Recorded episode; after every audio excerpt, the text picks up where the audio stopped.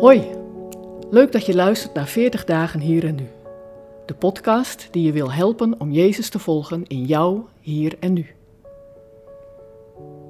Het is vandaag zaterdag 19 maart. Deze week gaat het over de verwachtingen die we hebben van het feest waar we voor zijn uitgenodigd.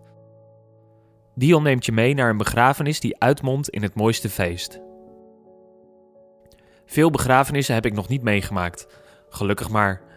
Een van de begrafenissen die ik bewust meemaakte was die van mijn opa. Hij was al lang ziek en wist dat hij niet oud zou worden.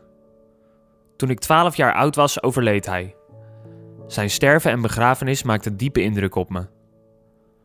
Vlak voor hij zou gaan sterven, schreef hij aan al zijn kinderen en kleinkinderen een afscheidsbrief.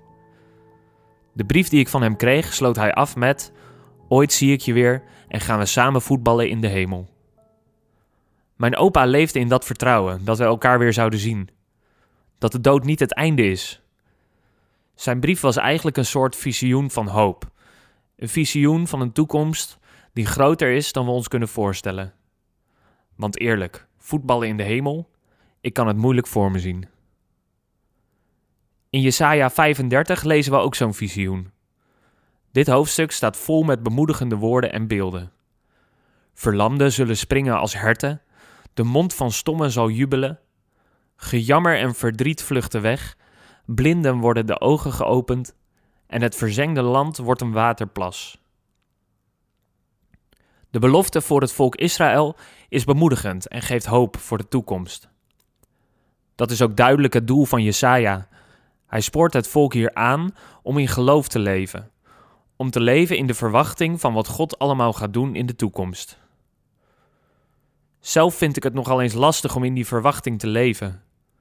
Hoe ouder ik word, en ik ben nog niet zo oud, hoe meer moeite ik heb met dat beeld van het voetballen in de hemel.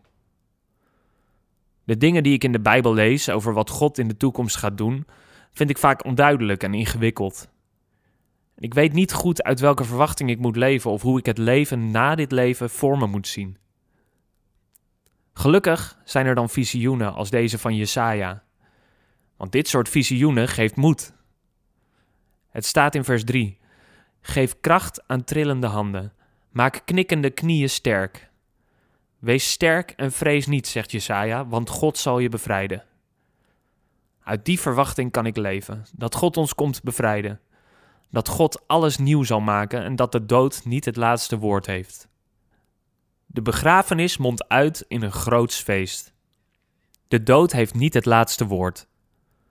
Als we gaan leven vanuit de verwachting dat God alles nieuw gaat maken, dan is dat geen stil maar, wacht maar. Dan is dat een leven vanuit moed, vanuit de overtuiging dat God ons zal bevrijden.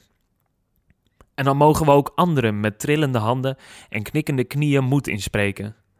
De woestijn zal zich verheugen, de dorre vlakte vrolijk zijn, de wildernis zal jubelen en bloeien, als een lelie welig bloeien jubelen en juichen van vreugde.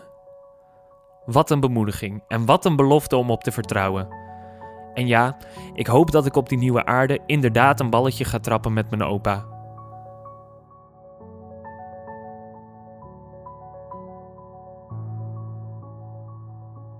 Wil je meer weten over deze podcastserie? Ga dan naar 40dagenhierennu.nl.